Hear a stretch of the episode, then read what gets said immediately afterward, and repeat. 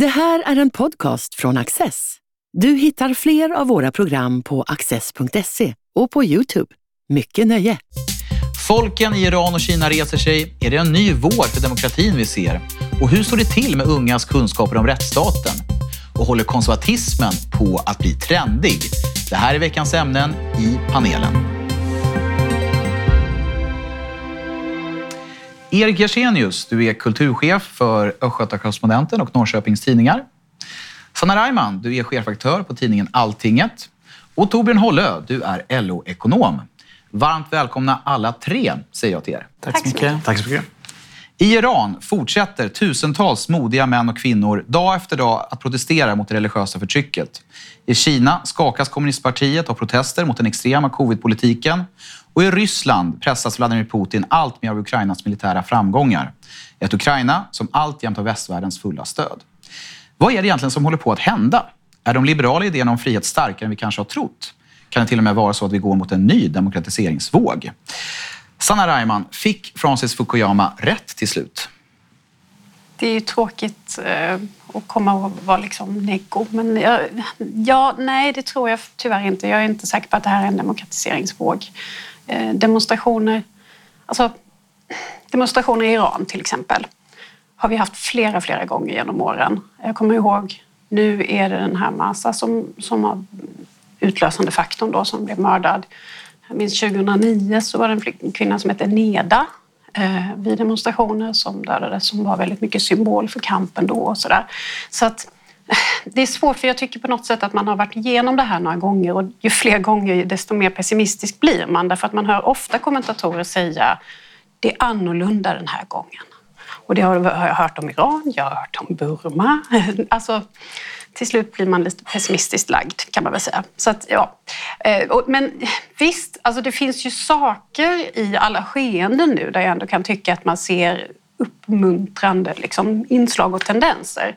Och till exempel är väl det västvärldens reaktion mot Ryssland, att man liksom samlade sig och, och inte vek ner sig på något sätt och lät intressen gå före och sådär utan att man kunde enas kring att det här är helt otillständigt och, och markera hårt och sådär. Så att där finns det ju ett styrkebesked från demokratierna tillsammans på något sätt. Eh, och det tror jag är jätte, jätteviktigt och att det verkligen har varit som en liten vitamininjektion eller vad man ska säga.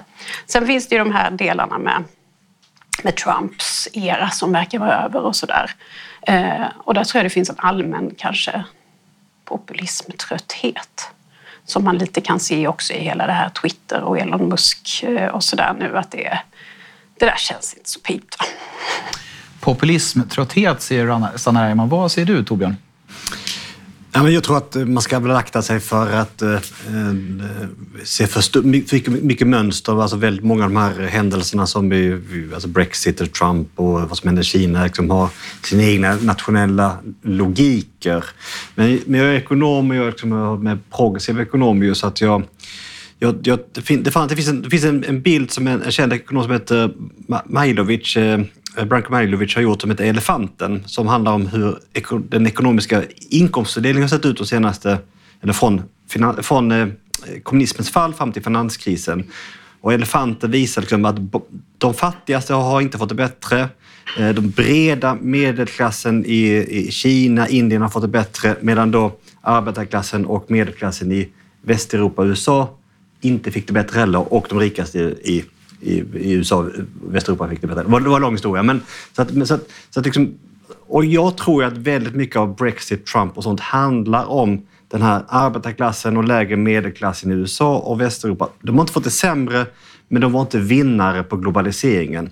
Och det närde det var en av anledningarna som närde den här liksom Trump, eh, eh, Trump och Brexit. Eh, så, så, så det, där, där, där ser jag ett mönster och jag tror att det mönstret delvis är brutet. Den ekonomiska utvecklingen efter finanskrisen ser faktiskt ganska mycket annorlunda ut. Eh, så att jag när lite hopp om att, eh, att grogrunden för den här liksom, populismen och trumpismen faktiskt har brutits lite grann. Ehm, så det är en, en reflektion. Mm. Erik Ersenius? Ja, jag har en djärv tanke Berätta. kring det. Jag tänker så här att eh, om det vi ser har med eh, med en frihetslängtan att göra eller, och en längtan efter att få makt eh, över sina liv. Eh, så finns det ju i närtid historiskt tråkiga exempel. Jag tänker på arabiska våren där digitalisering, globalisering på något sätt då skulle ha liksom uppmuntrat eh, krafter i, i eh, den arabiska världen att, att frigöra sig. Och där slutade ju det är inte så väl. Eh, längre från demokrati, islamism och så vidare. Eh, och jag tänker om det är det vi ser i Kina och Iran, om det är återkommande, alltså att det är inte så lätt det här att, att hålla i auktoritära system i, i längden. Och då tänker jag om det finns en koppling här också till den här populismen, att, utan att relativisera det ena eller det andra. Eh, att eh, det vi sett, sett i västvärlden också har varit en upplevelse av att inte få vara med, att inte, att inte vara en del av makten eller att ha makten över sina liv. Eh, så att det här är liksom en... Och det är också väldigt kopplat till digitalisering, alltså skapandet av alternativa röster, medier, andra vägar. Eh, om det finns någon relation här eh, faktiskt. Och då är det för västvärldens del ändå viktigt att fånga upp missnöjet i populismen, även om man kanske vill rädda sina institutioner, eh, att det på något sätt måste hanteras i systemet. Eh, så det är en tanke jag har, att det här att det det kanske är en allmänmänsklig eh, sak vi ser som tar sig uttryck i lite olika samhällen och olika situationer. Jag skulle vilja utmana panelen lite med tankeexperiment. Vi har ju lätt, eh, eller det har varit en bild om att eh, Xi Jinping har väldigt starkt grepp över Kina. Eller kommunistpartiet har landat i ett järngrepp. Eh, samtidigt i mitten av 80-talet så var det ganska få som kunde föreställa sig att Sovjetunionen skulle rasa samman. Ändå var det exakt det som hände ja, knappt några år eh, därefter. Vad tror ni om ett sånt scenario? Är det lite för mycket önskedrömmar? Det finns ju en, eh, en, en, en sak som, och ytterligare sak som är likhet och det är ju att man antagligen har tillskrivit den kinesiska ekonomin alldeles för stor liksom, eh, eh, alltså effektivitet. Alltså det var, alltså man kommer ihåg att det var inte bara det att vi trodde att, att vi inte förstod att Sovjetunionen skulle falla. Vi trodde ju, vi levde i världen av att Sovjetunionen var ett hyfsat ekonomiskt framgångsrikt land. Och sen så när man sen fick kunna öppna alla böcker så såg man att allt var bara skräp ju. Hela Östeuropa var skräp, så hela Sovjetunionen, allt var skräp. Mm. För, för, och jag tror att, att vi delvis börjar förstå det med Kina nu också. Kolla, ta, ta covid. Alltså alla vaccin som, som folk vill ha i världen. Är det något som kineserna har producerat? Nej. Alltså alla vaccin under covid produceras i Europa och de produceras i USA. All, all, all stora teknologiska skiften som sker kommer från USA och Europa. Det, det, sen så kan kineserna fortfarande de kan producera, producera billiga produkter men de klarar inte av att leverera spjutspetsteknologi verkligen inom medicin, inom försvarsteknologi, inom IT det tror jag är någonting som vi börjar förstå nu. Auktoritära system har svårt med innovationsförmåga ja, helt enkelt. Ja, det finns, en, det finns en gräns. Man kommer till en gräns och jag tror att det är det vi ser nu. Att man, demokrati är nästan en förutsättning för att få riktigt hög innovationshöjd i ett land. Och en uppfriskande får... tanke. Hoppas det är så. Och med de orden så får vi runda av veckans första ämne, för nu ska vi prata om rättssäkerhet. Hur står det egentligen till med de juridiska kunskaperna hos dagens unga? Inte så jättebra om man ska tro en undersökning från stiftelsen Rättsfonden. Nästan hälften av de tillfrågade eleverna i årskurs 3 på gymnasiet vet inte att självständiga domstolar är ett krav för att ett land ska räknas som en liberal demokrati. Och 70 procent svarar ja på frågan om regeringen kan avsätta en domare som man är missnöjd med. Det här var bara ett litet urval ur rapportens slutsatser. Men jag vänder mig till dig Torbjörn Hollö. Är du oroad över undersökningens resultat? Uh, nej, det kan jag inte påstå att jag tillskriver inte undersökningens eh, resultat något större värde. Då och då så kommer de här typen av eh, inom olika områden alarmerande undersökningar och när man då börjar gräva i det så är det ofta ett begränsat urval och ganska skruvade frågeställningar och jag gick till rapporten och tyckte att, eh, att detta kan nog skrivas på det kontot också. Dessutom tycker jag att jag, jag tycker att det är ganska sunt att unga människor är skeptiska mot, eh, mot eh, domstolar. Jag tycker att det finns anledning att vara skeptiska mot domstolar. Jag tänker på, ja, men jag tänker på eh, det vi ser nu med, med gangsteradvokater, med saltade advokaträkningar. Med, vi hade han Göran Lambert som satt i Högsta domstolen och agerade rättshaverist parallellt i, i tv. Så att jag tror att det finns något sunt. Att inte, att, att, vara, att inte liksom ha allt för stor respekt för det juridiska systemet. Utan de är människor också, de förtjänar också att kritiseras. Och, eh, så att, nej. Sanna, håller du med Torbjörn? Jo, men det gör jag nog. Ehm, jag tycker det... Jag tycker det är lite svårt att värdera det här. Det är klart att det låter som mycket. Men jag vet inte i förhållande till vad och vad, vad samma ungdomar kunde för 10, 20, 30, 40 år sedan. De kanske var ännu sämre, vad vet jag? De kanske är bättre på att liksom hålla koll på de här sakerna nu. Det vet vi inte riktigt. Eh, så att det är svårt att säga. Eh, och jag är inte hundra på att det skulle bli så himla mycket bättre om man frågade vuxna. Nej, det var faktiskt en, en tanke som eh, slog mig också när jag såg den här undersökningen. Erik Arsenius, vad tänker du om det här? Ja, alltså, eh, jag har svårt att bedöma ja, undersökningen kanske inte räcker så långt. Men givet att den är något på spåren så får man väl fundera på det där med, med medborgarnas kunskaper. Då. Sen klart att man ska vara skeptisk mot eh, olika maktinstitutioner men också förstå eh, värdet av att eh, domstolarna är fristående och att det är viktigt förstås och att det är så det ska fungera. Jag tänker på det här begreppet liberal demokrati. Eh, det känns som att det är ganska nytt, för det dyker väl inte upp i Sverige förrän någon gång på 10-talet. Eh, jag kommer ihåg eh, ja, när jag var ung till exempel gick i skolan så pratade man alltid om ja, demokrati eller diktatur. Men det här prefixet liberal demokrati och vad det innebar, det var liksom det var ju kanske att man levde liksom i ett lyckligt fönster av att demokratin tog så, så självklar. Men eh, ja, vad, vad, tänker ni kring det? För det är ett ganska nytt begrepp. Det känns som att det är kopplat till det här med att vara är det antiliberal? Illiberal. Som, Illiberal säger man. Eh, att det har varit väldigt viktigt att, positionera sig mot eh, politiska rörelser eller sådär som man uppfattar som hot. Då. Och då kan man kanske dessutom vara ganska vänster och inte varit så jätteintresserad av att ha starka liberala institutioner egentligen och ändå positionera sig så. så jag uppfattar nog mer att det har dykt upp, i alla fall på senare år, i, i den kontexten. Tänk, det låter lite som en, en, terminologi som kanske är lite översatt också. Man brukar prata mer om det kanske på engelska och, och sådär. En terminologi som vi har liksom adapterat på något sätt in i. i jag, jag, har samma upplevelse att man brukade mest bara säga demokrati. Mm. Ehm, och jag tror kanske inte att om man tänker sig i skolan och sådär, liksom, i grundskola och, och kanske gymnasister och sådär, de pratar kanske inte heller så mycket om liberal demokrati. Men däremot i, den, i samhällsdebatten gör vi väl det i högre utsträckning kanske. Eh, och gör den distinktionen. Eh, det kanske också är en fråga om att man försöker spesa upp lite, helt enkelt.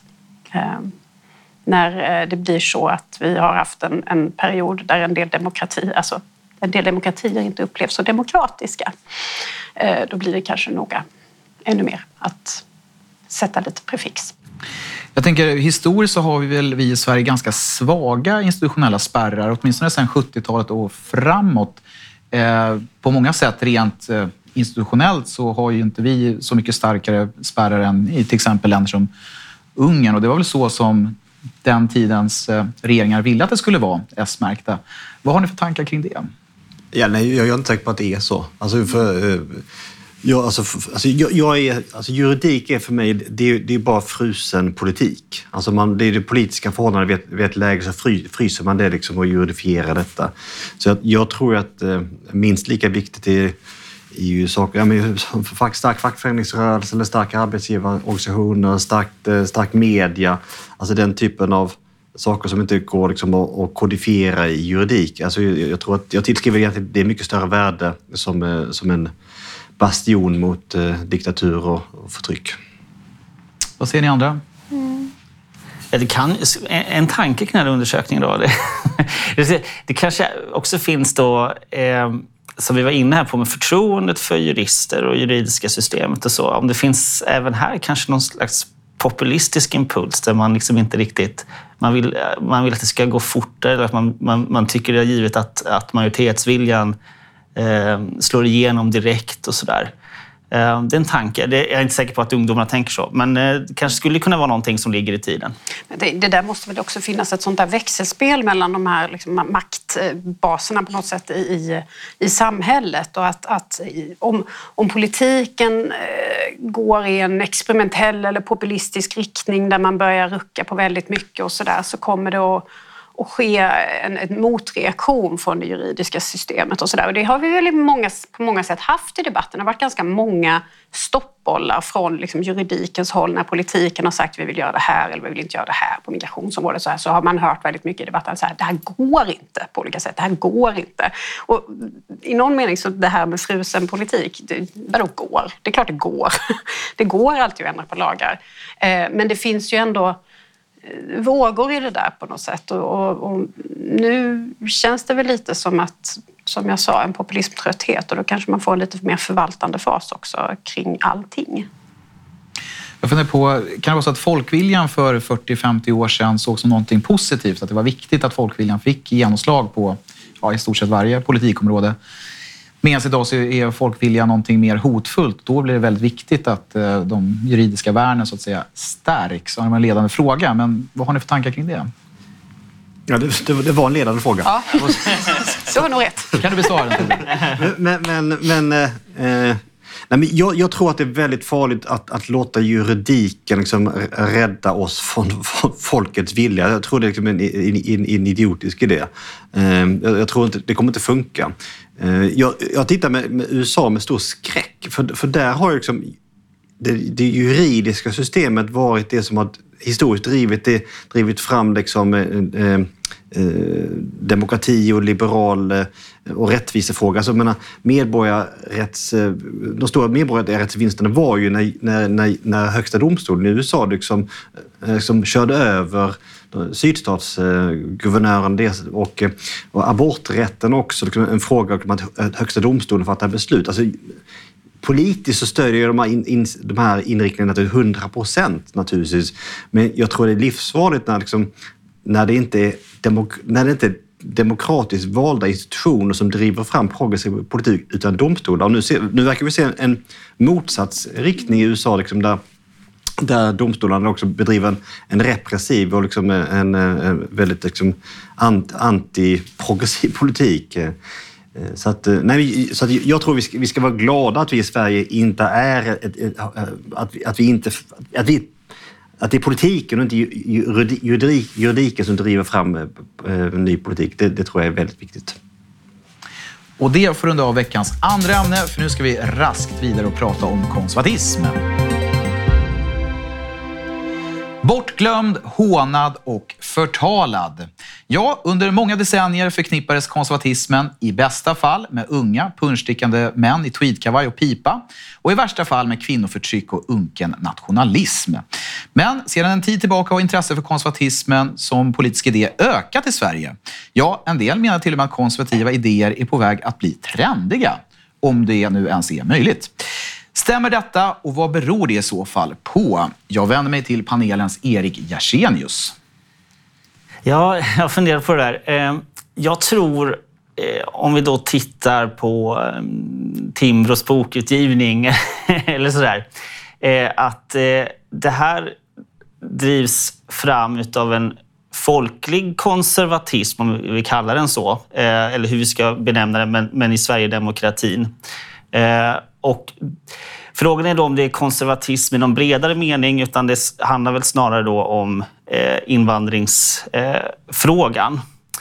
Eh, som man kanske då vill... Eh, jag tror det är viktigt alltså att den, den borgerliga högern vill positionera sig någonstans här nu när, när eh, Sverigedemokraterna gör så, så stora eh, framgångar i opinionen.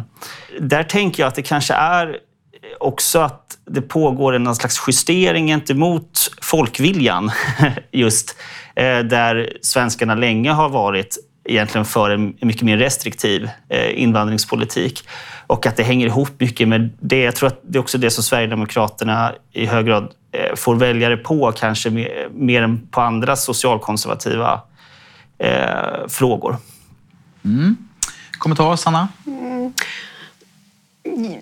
för det första så tror jag inte riktigt på konservatismen som ism.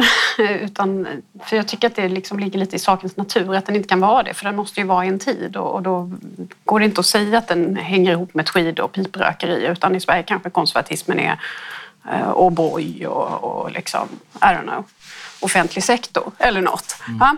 Så att jag jag tänker på det mer som ett kynne på något sätt, en liksom läggning nästan, att man är eh, lite mm, inte kulturradikal, ungefär. Eh, och någonstans så kan jag också tycka att många av dem som så att säga prenumererar på att vara konservativa just nu, eh, Sverigedemokrater men, men också andra och sådär, i allt väsentligt agerar som kulturradikaler ofta. Mm.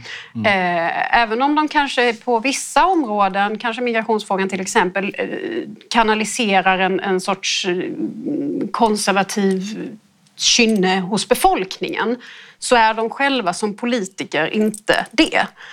utan det är ju något annat. då kan man ju ta helt andra exempel som nu den här diskussionen kring ehm, de här drag queensen som har läst sagor. Eh, där jag å ena sidan precis kan se målgruppen och reaktionen som någonting slightly konservativt. Alltså inte från, från just ledande sverigedemokrater men att människor i allmänhet tror jag ändå blir lite så här, huh, jaha, var det en dragqueen som läste sagor idag? Jaha, ja okej. Okay. Och då känner man ju tror jag att många ändå kan känna lite instinktivt. Jag har själv haft ett barn som har varit och lyssnat på de här och det var mycket trevligt. Eh, och barnen hade, tog ingen skada alls av det.